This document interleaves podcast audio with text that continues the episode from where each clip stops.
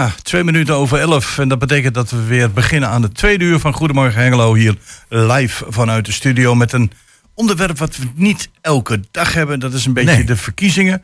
En Mhm. daarvoor hebben we hier in de studio uitgenodigd Willem-Jan Velderman en Wim van der Griend.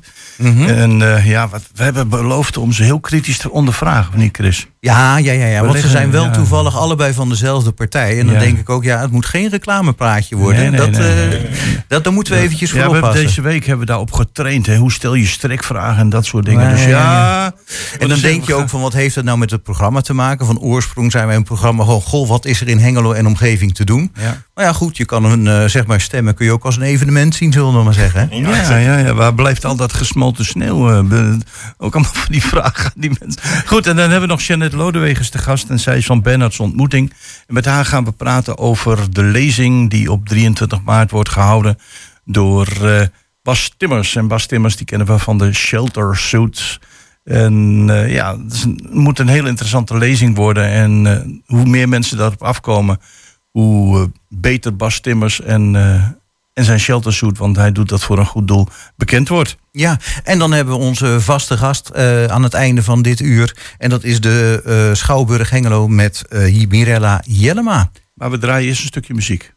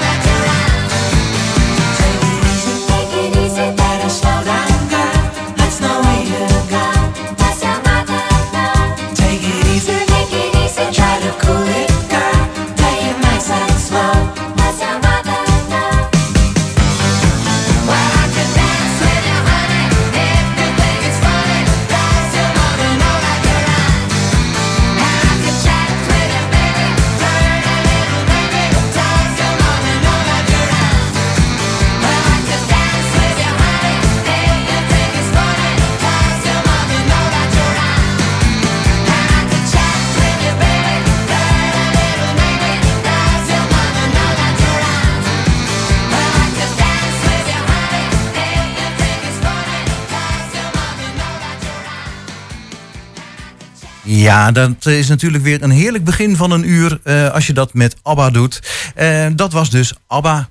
En dan gaan we nu gauw verder naar de waterschapsverkiezingen. Ja, hoe maak je zoiets als de waterschapsverkiezingen populair onder het volk. Dat is eigenlijk een beetje de insteek die ik heb. En daarvoor hebben we nu eh, tegenover ons, Jos komt er zo weer aan, Jan-Willem Velderman en Wim van der Grient. Goedemorgen allebei. Goedemorgen. Eh, laat ik anders met Wim beginnen. Jan, eh, Jan-Willem ken ik al een beetje. Willem-Jan. Willem-Jan, Willem-Jan, sorry. Ja, ja, ja. Eh, ja, moet trouwens de voornaam altijd met een W beginnen voordat je van jullie partij lid mag worden? Nee, dat niet. Eh, maar bij de vorige verkiezingen zijn er wel eh, krantartikelen gedaan over waternamen. Eh, eh, en ja, dus we hebben een Kranenburg. We hadden toen ook een pot. En nou ja, ook Van de Grient is een waternaam. Grient zijn bosjes eh, in eh, rivier Uiterwaarden. Ja, Maar nou, goed. kijk eens aan. Nou, Ja. komt dit toch eh, terecht. Jullie zijn van de partij Water Natuurlijk. Nou, die naam die zegt mij eerlijk gezegd ook niet eens zo heel veel. Maar voor de waterschappen zetten jullie met als partij ook naast het CDA, VVD, PvdA, nou goed, noem ze maar op. Ehm, waarom eigenlijk dan nog een aparte waterpartij? Begin ik, eh, ja. Ja. of wie van jullie kan dat het beste uitleggen? Ik wil wel eh, beginnen hoor. Ehm, ja, Water Natuurlijk eh, is eigenlijk een partij die de groene stem in het waterschap ver- verenigt. En een groene stem van de natuurorganisaties, van sportvisserij, van recreatieorganisaties. Maar ook van partijen als GroenLinks, D66, PvdA en Volt. Zij doen niet zelf mee. Zij doen mee, zij steunen Water Natuurlijk. Ah, oké. Eh, dat- ja, het is dan niet zo'n soort, eh, niet de fusie, maar een soort Het is samenwerking. een samenwerking. Dus er staan mensen vanuit verschillende partijen eh, gebonden. Hè, althans met een partijachtergrond en zonder partijachtergrond. Groene achtergrond, stedelijke achtergrond. Die staan allemaal samen op één lijst voor het groen in het waterschap. Ah, oké. Nou, dan wil ik straks eh, nog wat meer vertellen van ja, wat dan jullie standpunt is. En dan tegenover misschien de standpunten van eh, een eh, oppositiepartij, zou ik dan maar zeggen. Ehm, maar eerst vind ik vind het vooral belangrijk om het, zeg maar aan de luisteraar en ook aan mij uit te leggen van ja, waar stem je nou eigenlijk voor? Zo van oké, het heeft met water te maken. Nou, grondwater is tegenwoordig actueel. Moet het grondwater omhoog of moet het omlaag? Zijn daar, eh, ja, valt daar wat te kiezen? Of eh, zijn jullie met de waterschappen, met de partij het altijd met elkaar eens op? Bijvoorbeeld wat dat betreft. Nou ja, ik denk dat eh, alles wat schaars is, zoals ook water, ja, dan moet je inderdaad voor kiezen hoe ga je dat verdelen. En dat is natuurlijk wel iets, iets, iets politieks. Ja. inderdaad, wil je bijvoorbeeld meer aan boeren geven, wil je, zeg je ook van oké, wil je meer aan zorgen dat het meer aan natuur ten goede komt. Maar ook hoe ga je om met, met water? Vind je dat je er mag van genieten? Eh, en, en, hoe, en hoe gaat het dan? Is dat met boot, motorboot of niet met motorboot, eh, bij wijze van spreken? Ehm, maar we zijn bijvoorbeeld vanochtend zijn we bij het Kristalbad geweest. Oh ja, nou, dat is eigenlijk lokaal. een hele mooie plek hier in Hengelo, tussen, eh, tussen Hengelo en Enschede, waar eigenlijk al die eh, belangrijke elementen waarom je moet stemmen op het waterschap samenkomen. Mm. En ehm, dat, ja, want even, Wim zal zo meteen uitleggen hoe dat denk ik, hoe dat precies werkt. Maar ehm, wat ik heel belangrijk is, maakt niet uit wat je ook gaat stemmen voor het waterschap. We merken het allemaal. Hè? We merken in de zomers is, is het gewoon hartstikke heet. Hittestress. Het is hartstikke droog. Mhm. Eh, je merkt daardoor dat het water schaars is en dat het belangrijk is om het vast te houden. Je merkt ehm, dat het, als het heel veel water opeens tegelijk komt met regen, dat, het, ehm, dat de straten blank komen te staan. Ja. Ja. maar gelukkig hebben we het kristalbad en dat voorkomt een heleboel verdere ellende. Nee, ja, Ja, ik, ik, had- ik had eh, over Kristalbad gesproken. Ik, toen ik nog regelmatig wandelde vanaf het, zeg maar het waterwindgebied van Enschede naar het Kristalbad. Nou ja, dat is een, je bent er zo. Maar je ziet wel van alles op je afkomen. Dus al die mensen die zeggen van wat doet het waterschap? Ja. Ik zou zeggen neem even de moeite om die wandeling te maken. Vanaf het waterwindgebied bij de ijsbaan in Enschede tot aan het Kristalbad. En dan zie je in één keer een heleboel dingen op je afkomen. Van denk van daar doen we het voor. Mhm. Maar aan de andere kant ligt dat Twente-kanaal. Ja. Maar En- ik, ik wil nog ja, toch even ja, dat kristalbad ja, ja, inhaken. Want ja. jij zegt van nou ja, oké, ga die wandeling doen. Maar kun je het kort uitleggen wat de functie is van dat eh, kristalbad? Ja, zeker. Kijk, ehm, eh, in Twente hebben we een bijzondere situatie. Eh, we kunnen geen water aanvoeren. De beken die wij hebben zijn afhankelijk van de regen die valt. Ehm, en er is een tweede belangrijke bron van water die zorgt dat water in onze beken blijft. En dat zijn die rioolwaterzuiveringen. Daarom hebben wij veel rioolwaterzuiveringen in, de- in, in ons gebied. 23 in plaats van andere waterschappen. Die hebben het heel groot geconcentreerd. Er hebben er maar een paar. Eh, en in het geval van eh, Enschede is het eh, het water wordt heel schoongemaakt in de rioolwaterzuivering. Maar dan is het doods. En het gaat daarna, moet het vloeien naar kwetsbare beeksystemen. Hè, dus waar de natuur zijn rol moet hebben. Het kristalbad zorgt er dus voor dat het water weer verrijkt wordt met waterleven. Dat ehm, daar ehm, wateropvang kan plaatsvinden. In geval van hoog eh, water, oh, eh, heel veel regen. Het is dus ook een reservoir. Ja, het Ja, is een oké. waterbergingsgebied. Dus om te zorgen dat als de regen in Enschede valt, dan gaat het daarna allemaal naar Hengelo. Mm. Eh, eh, en wij willen het hier droog houden. Dus dan kunnen we het beter opvangen in het kristalbad. Eh, en daarna gaan we door naar Almelo. En in Almelo hebben we dus andere oplossingen. Ehm, eh, eh, en dat wordt dus ook gedaan op een manier waardoor het een, een ecologische eh, verbindingszone is. Van het kanaal naar, eh, eh, naar de bossen. Eh, dat daar heel veel waterdieren kunnen leven. Ja, en mensen ervan kunnen genieten. Want een van de opmerkingen die ik heel vaak krijg, ook weer tijdens wandelingen, maar- ook door de steden, niet alleen door buitengebieden, is dat er, als je het vergelijkt met ongeveer tien jaar geleden, nu het water in de beken gigantisch helder is, mooi schoon. Overal waar je langskomt eh, zie je van, hé, hey, ik heb het ook wel eens anders meegemaakt. Nou, ik wil niet zeggen dat je het kunt drinken, maar het, het is een kwaliteitsverbetering. En dat heeft onder andere te maken met die instelling, met, met die manier van werken. Ja, dus, het, dus eh, het, het, het water wordt nu het wordt beter gezuiverd. Dus eh, heel veel van de viezigheid gaat Ja. eruit via de rioolwaterzuiveringen. Maar dus, eh, het lijkt ook schoon. Maar als je kijkt naar de plantjes, plantjes die er leven, maar met name ook naar de stoffen die er nog in zitten, medicijnresten, hormonen, Mhm. Ja. dat zie je niet, maar het zit er wel in. En dat heeft echt nog wel een negatief effect op, eh, op de waterkwaliteit. En als je ziet de opgave voor de komende ja, vier, vijf jaar, is eh, om te voldoen aan de Europese kwaliteitseisen voor schoon water. Ja. En daar voldoen we absoluut nog niet aan. Oké. Eh, En dan zie ik inderdaad partijstandpunten naar boven komen van hoe gaan we dan dat water nog schoner krijgen? ja, en hoeveel ben je bereid om daarin te investeren? In de techniek, eh, te investeren in de technologie? Of eh zeg van, joh, ja, eh, eh, we schuiven het probleem voor ons uit. Eh, of misschien, we zijn niet bereid om er zoveel te betalen. Hè? Dat is wat neutraler geformuleerd. Oké. Nou, dan wil ik wel graag weten, wat is jullie standpunt daarin? Hè, van, eh, over die waterzuivering, wat verbeterd moet worden. En eh, de concurrenten, zou ik dan maar zeggen. Nou ja, ik denk dat wij wel heel erg naar voren willen bewegen. We zijn inderdaad een progressieve partij. Dus wij willen inderdaad vooral problemen niet vooruitschuiven en, en nu oplossen. Dus daar Dat dacht ik al. Ja. ja. Maar dit is bijvoorbeeld ook een belangrijke rol, is bijvoorbeeld educatie heeft er ook in. Weet je wel? We merken ook wel dat heel veel, heel veel jongeren, we zijn bijvoorbeeld afgelopen woensdag ook bij het ROC van Twente geweest. Die zijn wel heel geïnteresseerd ook in, in, in eigenlijk in, klimaatbrede vraagstukken.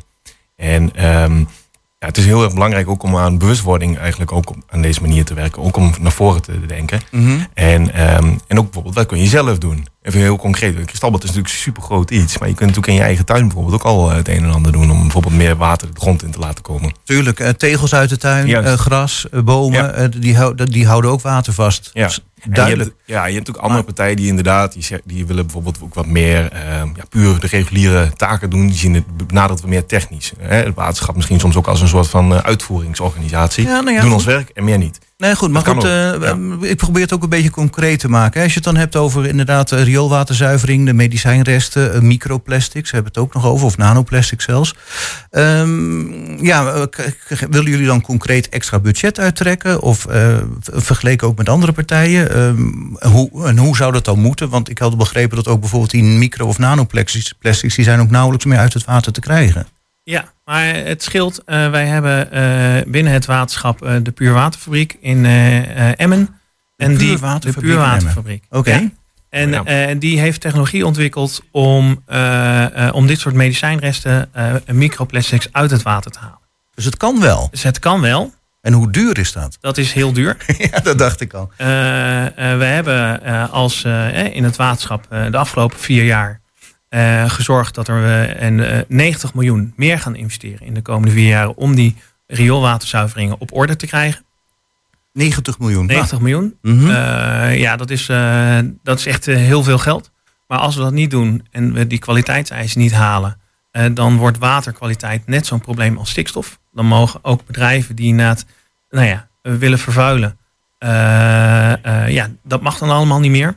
Ehm, ehm, en voor de komende jaar eh, hebben we, en dat, daar, ben ik, daar zijn we ook best trots op, heeft het waterschap eh, samen met bedrijven hier in de regio een aanvraag toegekend gekregen van het Nationaal Groeifonds om die waterzuiveringen beter te maken en die technologie, die nieuwe technologie, in onze waterzuiveringen toe te passen. Ja, nou eh, heb ik twee vragen.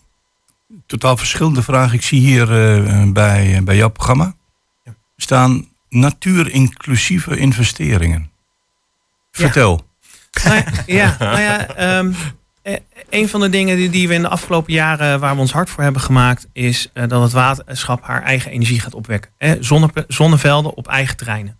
En daarvan hebben we gezegd, ja, maar dat moet eigenlijk ook op een manier dat, eh, ehm, eh, dat, dat je doet eh, dat de planten en de dieren die daar eigenlijk ook van kunnen profiteren. Ah, juist. Ja, ik zat dan bij water eerder aan een stuwdam te denken. Maar dat is hier een beetje lastig misschien.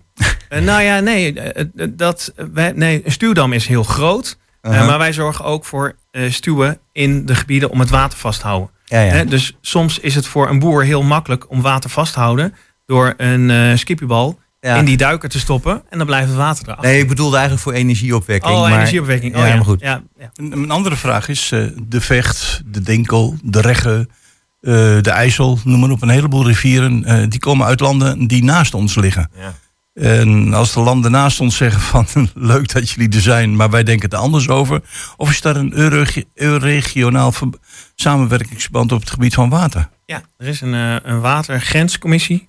Eh, wij zijn, eh, het waterschap is ook lid van de Euregio. Eh, dus wel, wij hè? praten, ja, daarom. Dus wij praten op dat niveau ook, ook samen met elkaar. En er is inderdaad ook in het gebied ruimte voor de vecht. Van het vechtal is er ook een grensoverschrijdend bestuurlijk overleg. Eh ambtelijk wordt eh, eh, samengewerkt om dat gebied mooier te maken. En, Mm. ja. Dan nog ja, het waterschap in het algemeen. hè. Je hebt het dan ook over die waterzuivering gehad en de kosten daarvan.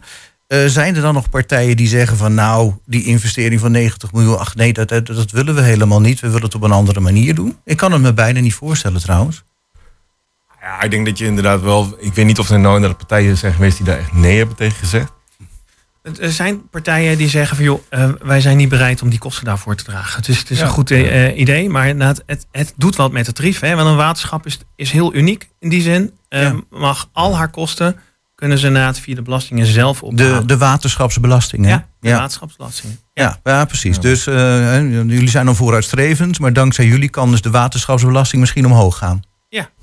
Nee, dat is een mooie uit. Ja, mooi leuk. Ja, ik- ik probeer het even een beetje simpel te ja, houden. ja, Ja. Het Ja, kan niet weer zo'n club dan die de belastingen wil verhogen, jongen. Ja. kijk, en daarom is het van, van belang, hè, Chris. Je hebt ook, eh, je hebt ook eh, de dochters. Die, eh, kijk, die eh, zullen in de toekomst daar natuurlijk wel de vruchten van, eh, van plukken. En, ehm, Ik ja. zeg ook niet dat ik erop tegen ben, maar, nee, nee, ik wil het wel even genoemd plaats- hebben. Zeker, nou plaatsen wij het ook bij deze kanttekening. Dus eh, helemaal goed. Ja, Maar ja. Een, een van de dingen, een van de moeilijke factoren, denk ik ook, of dat nu in het waterschap is of in de politiek, is dat eh, wij als mensen, als individu, niet eh, gewend zijn om heel lang vooruit te denken. Ja. Dus als wij zeggen van, goh, eh, jullie moeten op het waterschap stemmen, en ik denk dat dat een hele goede zaak is, want water is heel erg kostbaar.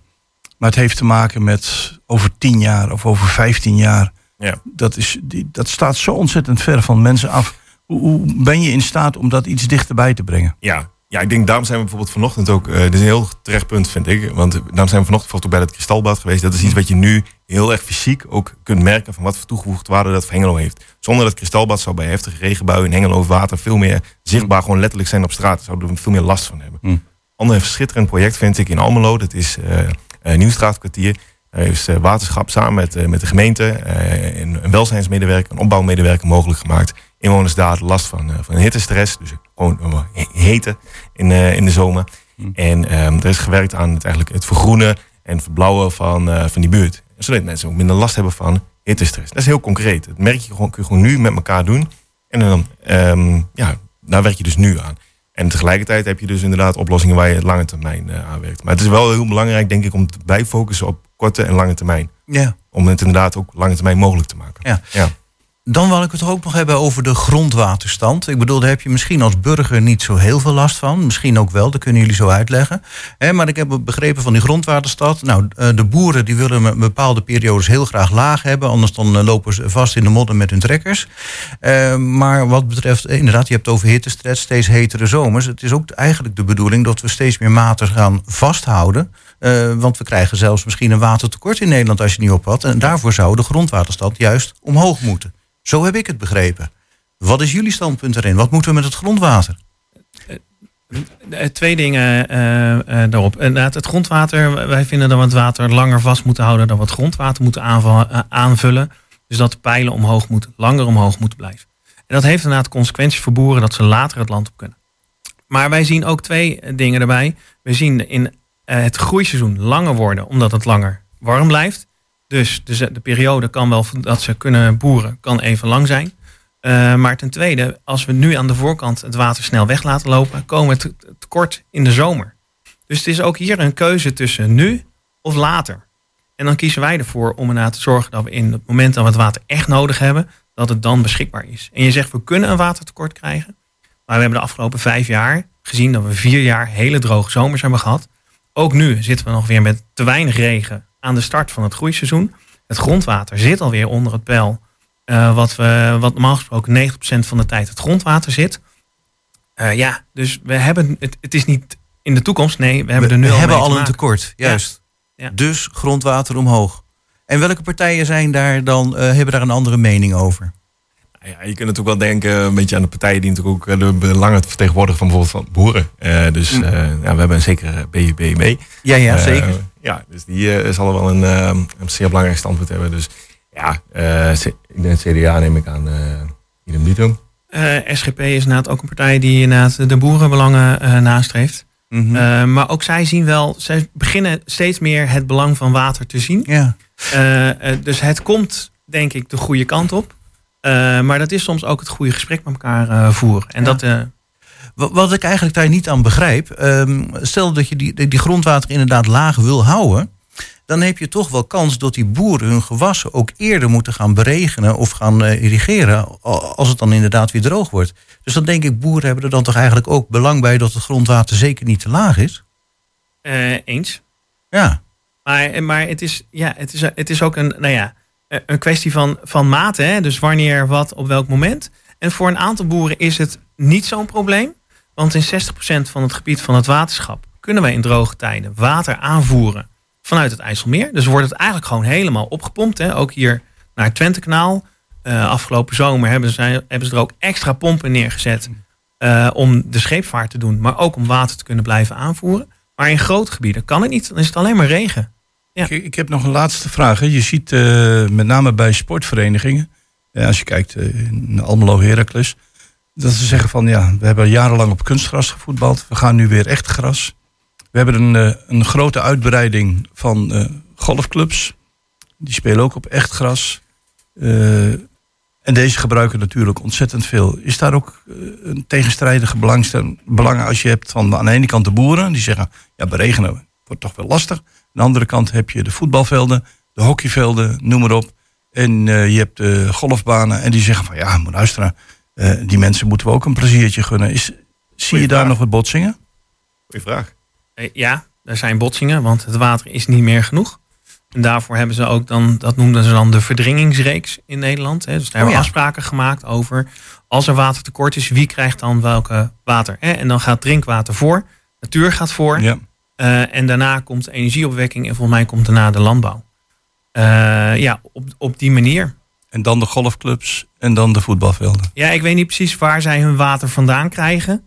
Is dat nou echt grondwater oppompen of misschien nog vervelender drinkwater gebruiken? Dat, dat durf ik niet te zeggen. Eh, maar er zijn allerlei Maar daar kun je vast wel achter komen. Ja, daar is Ja, vast is- achter ja. te komen. Maar dat, Ja, dat, dat, denk ik van, eh Ja. maar luister, als je de boeren benadelen, of benadelen is niet, niet het juiste woord, maar je zegt van, nou, voor de golfclubs hebben we alles over, want ja, oh, daar, stroomt, de daar stroomt het geld wat harder. En bij de voetbalverenigingen ook.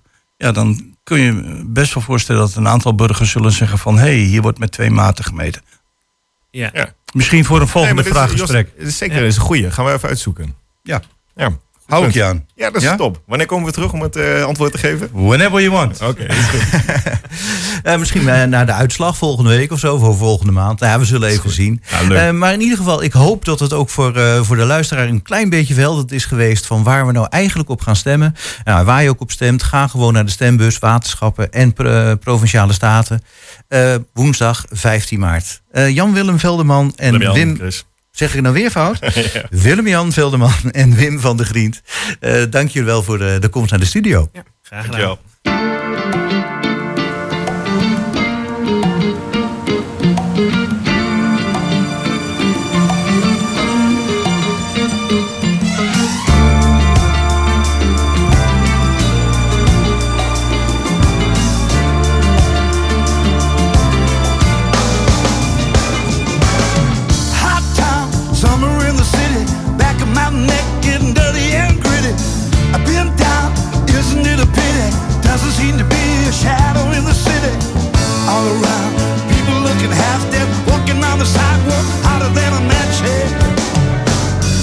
At night it's a different world. Go out and find a girl. Come on, come on, and dance all night. Despite the heat, it will be alright. And baby, don't you know it's a pity the days can be like the night in the summer,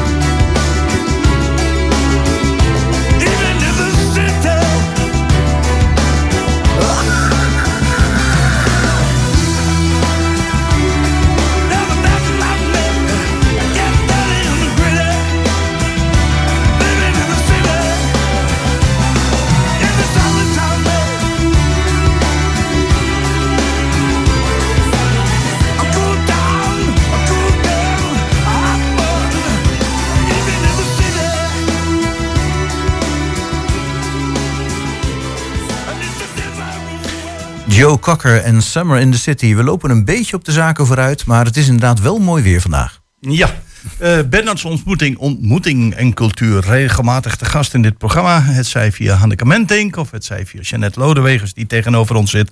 Want er zijn weer een aantal eh, interessante zaken eh, aan te komen. We hebben een tijdje geleden met, eh, met Hanneke gesproken over jullie barre nacht Ja, in het eh, zeker. Prins Bernhard plantsoen. Ja. Om eh rugbaarheid te geven aan eh, de Shelter Suit Foundation van Bas Timmer.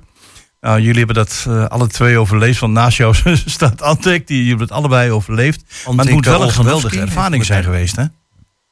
Wat zeg je? Dat moet wel een geweldige ervaring zijn geweest. Nou, dat was het zeker. De avond begon trouwens heel goed, want we hadden ook een muzikaal programma Ja. binnen in de ontmoeting. Dus dat was als voorbereiding eh, heerlijk en ontzettend leuk en gezellig. Maar ja, dat die avond, eh, toen die te einde liep, toen eh, was wel de bedoeling dat wij om uur of half één in onze slaapzakken kropen. Mhm. En eh, wat nog tot, tot, tot dat moment had het nog niet gevroren, maar net die nacht dat wij gingen slapen buiten in het park ging het s'nachts tot min vijf. Dus we werden regelmatig verrast met als je je hoofd op je kussen lei met een laagje eh, rijp op je kussen. Dus het was bar koud. Maar we hebben het gedaan. We hebben het volgehouden tot 7 uur. Ja, en was de slaapzak warm genoeg? Nou, er was maar één persoon, hè, en die staat hier naast mij. De herenpersoon, die Ja. mocht in de zeil shelter shoot. Ah. Dat had een reden, want ehm, hij was ziek. Ja. En eh, hij voelde zich heerlijk natuurlijk tussen vijf van die vrouwen. Maar eh, de rest had gewoon een slaapzakjes en jassen aan. En eh, dus ja, nou, die hebben het koud gehad. En die shelter shoot hebben we natuurlijk meteen uitgeprobeerd. En eh Anteke was de enige die het lekker warm en behagelijk had. Nou, hij doet het dus heel goed. Nu hebben jullie eh, die eh, bijeenkomst, eh, het vuur in mei. hè, Ja, prachtig genoemd. 23 maart. Ja, 23 maart. En daar komt eh Bas Timmer. Ja. Die gaat daar een lezing houden. En de bedoeling is eigenlijk dat er naast de actie die jullie al gevoerd hebben... eh, er natuurlijk geld ingezameld wordt voor zijn foundation. Ja, wij hebben Kun je geld. daar iets meer over vertellen? Ja, over die wij hebben een crowdfunding actie gedaan. En wij wilden.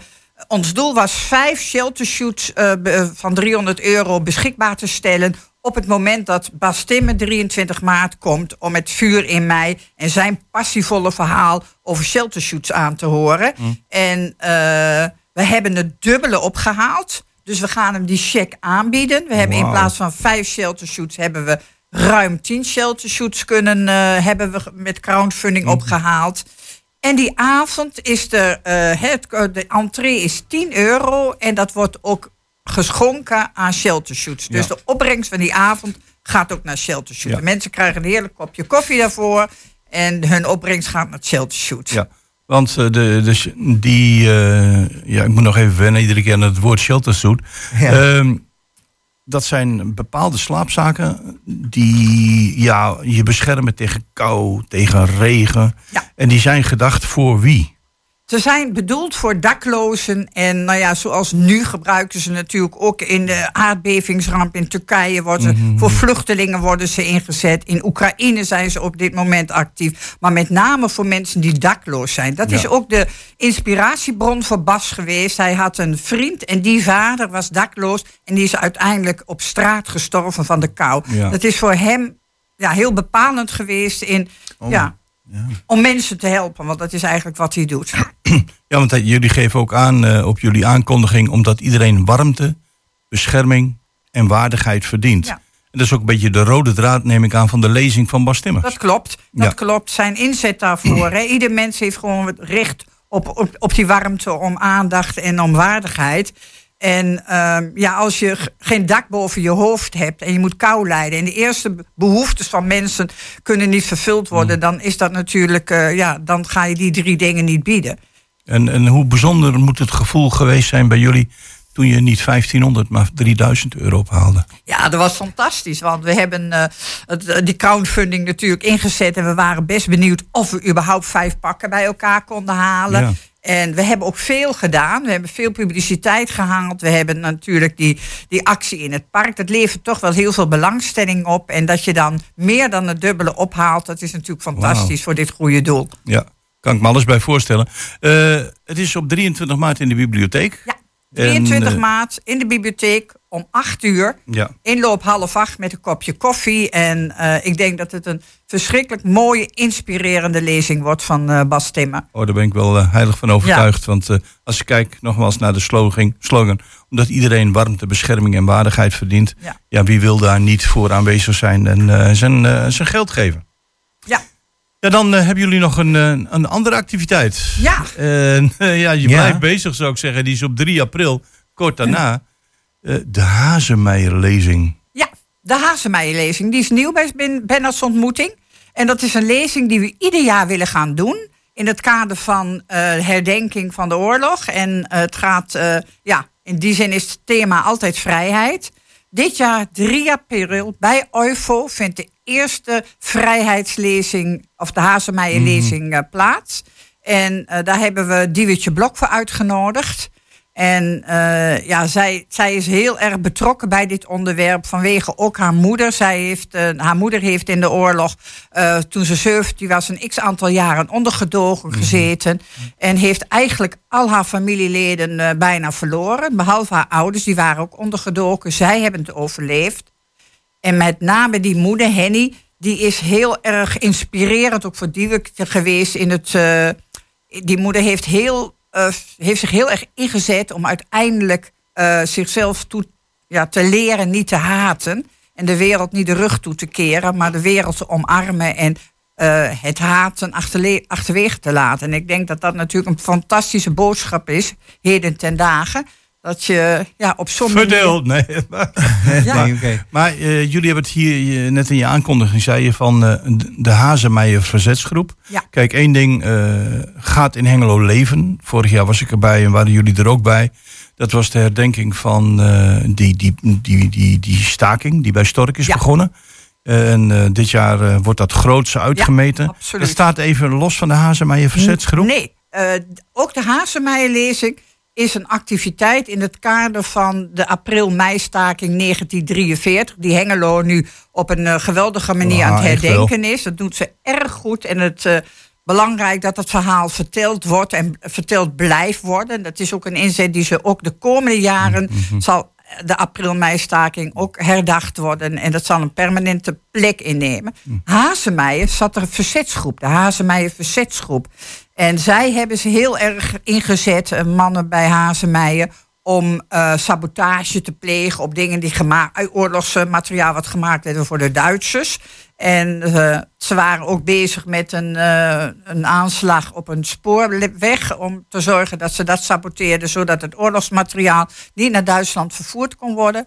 Maar goed, er is een inval geweest van de Sicherheidsdienst in 1943. Er zijn 22 mannen opgepakt. En eh een x-aantal doden zijn zeven mensen eh, geëxecuteerd. Dus dat, ja, ja. dat zijn ook dramatische ontwikkelingen geweest. Ook daar. Niet alleen bij Stork, maar dus ook bij Hazemeijer. En het, eh, ja, wat nu Thales is. Maar we, we gaan het ook bij OIFO houden. De Ja, eh, ja. eh, lezing van Diewertje Blok. Omdat daar dus dit plaatsgevonden heeft. Ja. Nu eh, speelt op de achtergrond bij alle evenementen die je organiseert, die te maken hebben met, met situaties uit het verleden. En dan in, in ons geval is dat dan de Tweede Wereldoorlog. Speelt de huidige situatie in Oekraïne speelt daar eh, ook een rol. En mensen denken daar dagelijks aan, je wordt er dagelijks mee geconfronteerd. Hebben jullie nog geprobeerd om daar ook een, ja, een, plek voor te vinden? Of een Te link te van- leggen bedoel je? Zeg je? Een link te leggen? Ja, tussen eh, wat daar nu gebeurt, want we zien het dagelijks.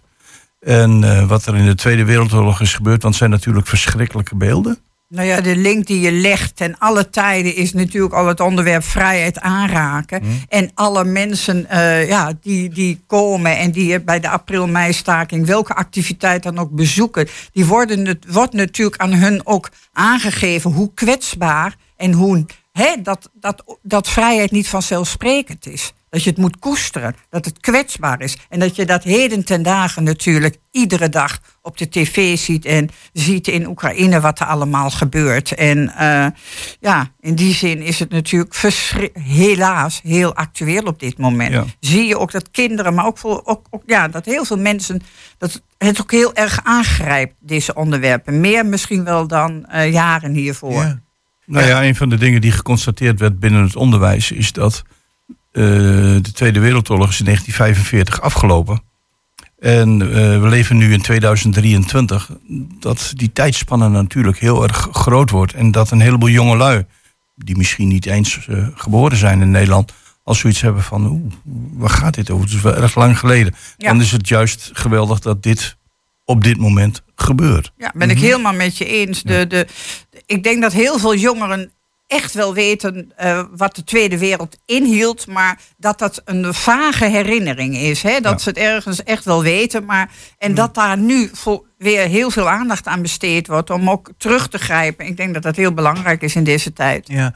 Eh, je noemde ook dat dan misschien toch de jongeren weer meer belangstelling gaan krijgen voor de herdenking. Kun je dat al merken? Dat er ook meer jongeren belangstelling tonen en dat ze van plan zijn om te komen bijvoorbeeld?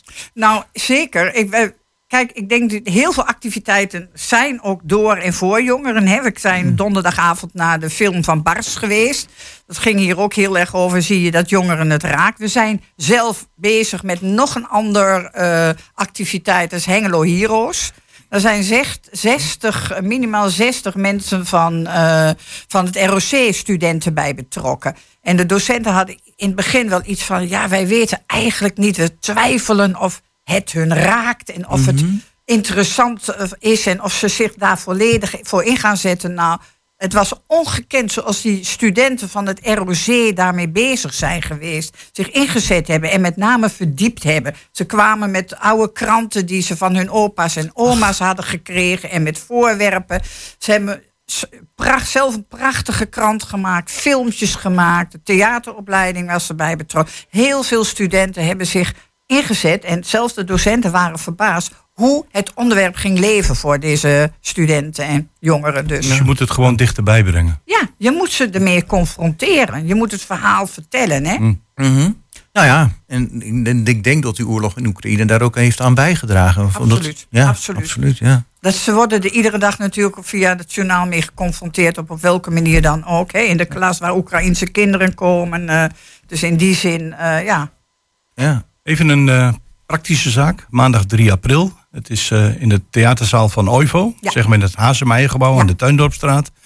Eh, de inloop is om half acht en de toegang is gratis. Maar ik neem aan dat er een beperkt aantal plaatsen zijn. Dus je moet je opgeven. ja, je moet je aanmelden bij bernardsontmoeting.gmail.com. En dan word je op de lijst gezet en ja, vol is vol. Dat, dat, ja, Ja, ik kan me daar voorstellen Ja. dat je op een gegeven moment Ja. zegt van het aantal belangstellenden is hopelijk enorm groot. ja want het, dat eh, hopen wij ook. Ja, het, het gaat wel ergens over. In dit geval dus bernardsontmoeting.gmail.com. Klopt. Succes met de voorbereidingen van eh, 23 maart en 3 april. Bedankt voor je komst naar de studio. Jullie en wat ons betreft tot de volgende keer.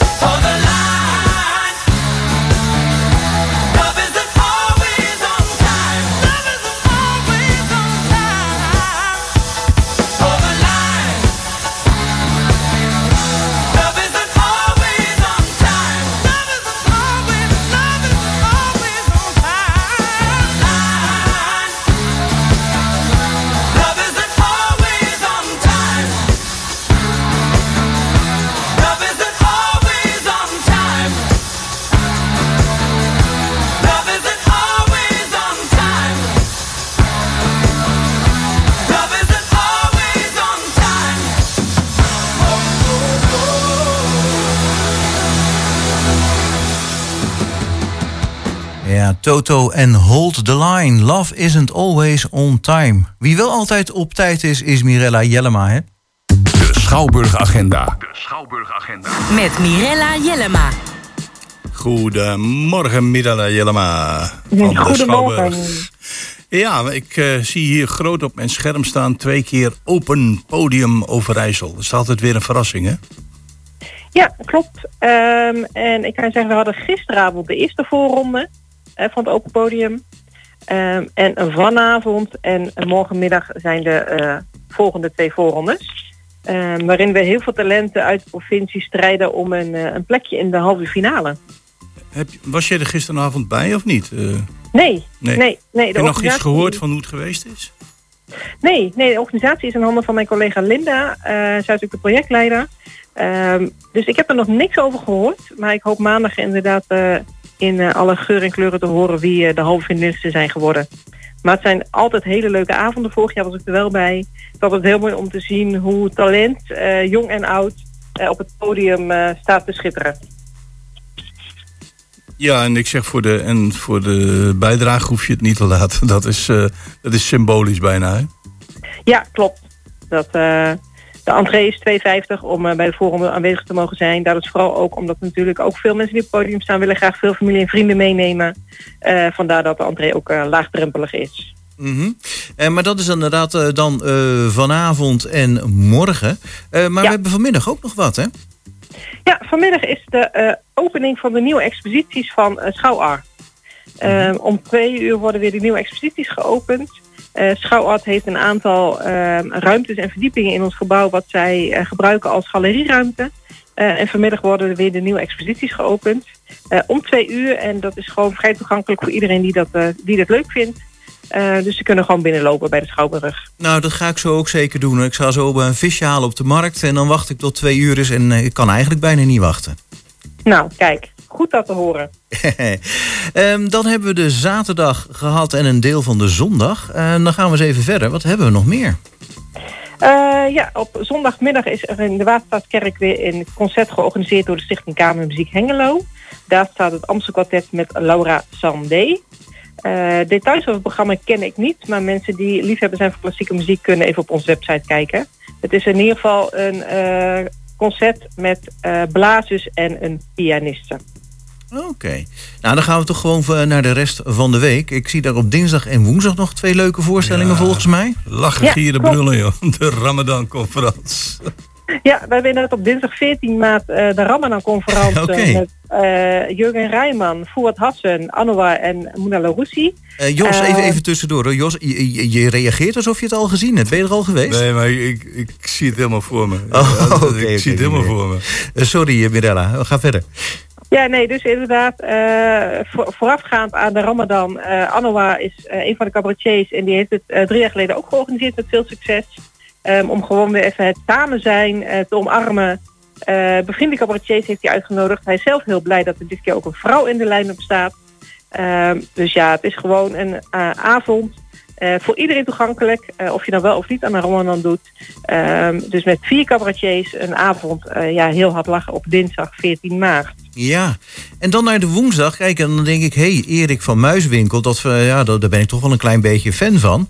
En eh, die is nog niet eens uitverkocht. Nee, klopt. Ja, mooie lichtjes in de lucht. En hij kan niet meer spellen, zo te zien. Nee, en dat is eigenlijk ook zijn boodschap. Let niet op de spelling, eh, maar geniet van de schoonheid van de taal. Hij komt niet zozeer met een cabaretprogramma als wel met een liedjesprogramma.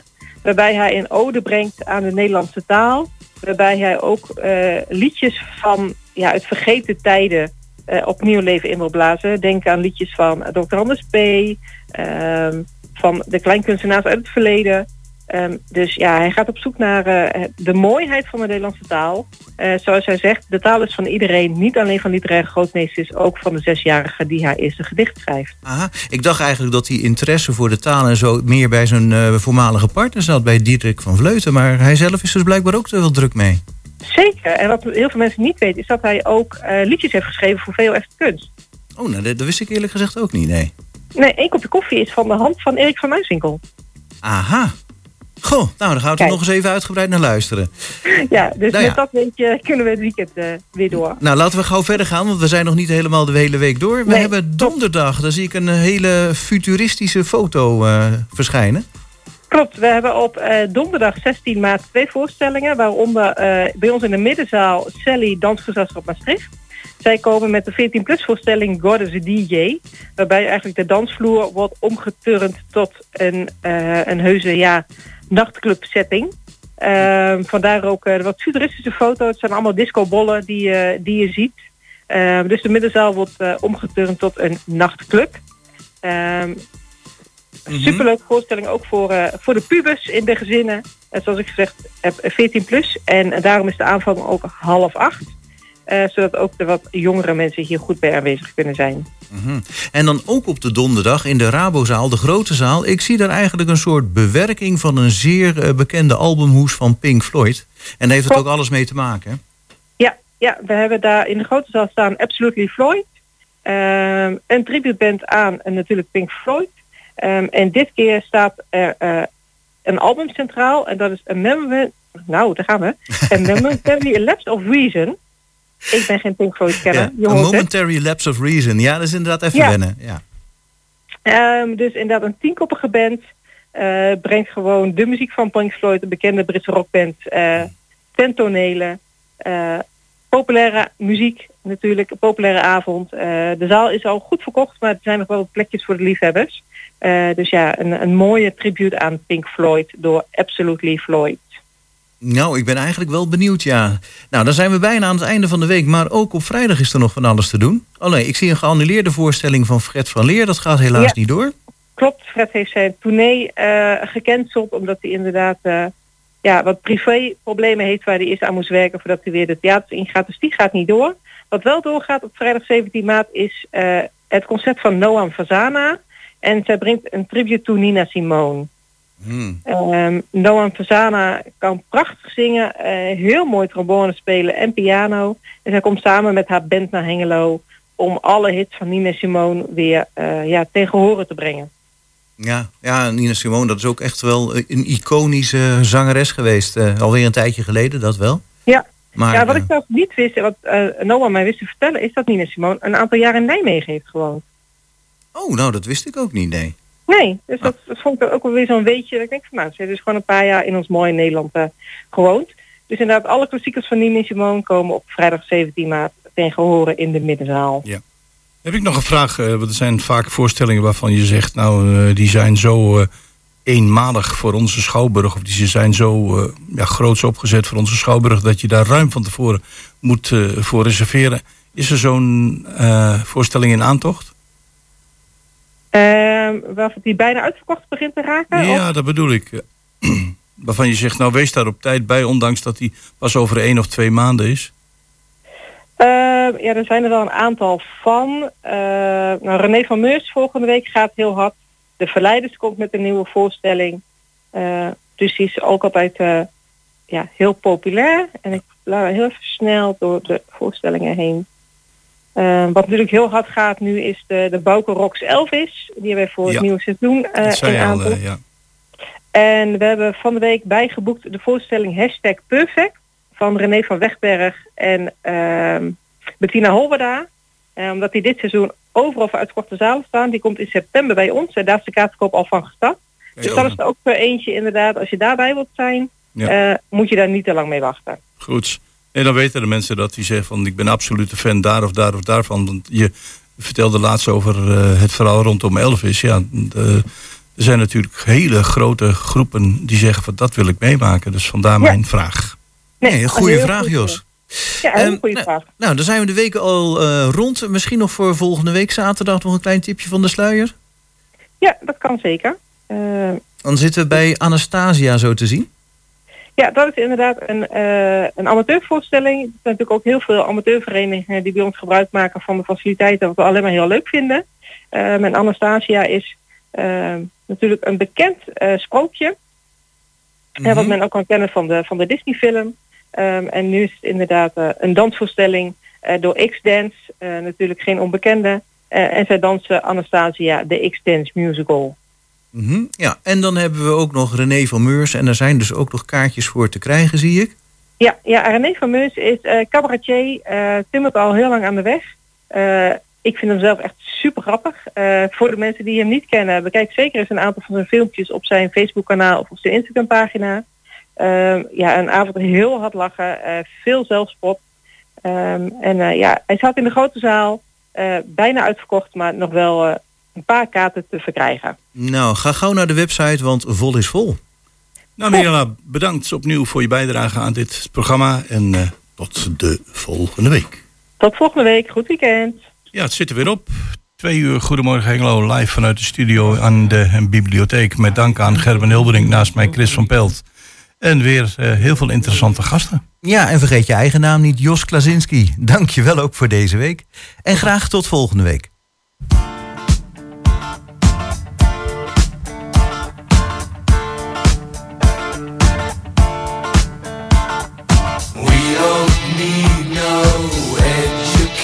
We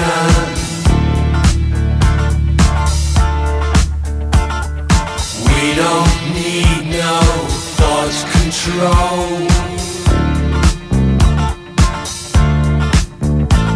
No dark sarcasm in the classroom.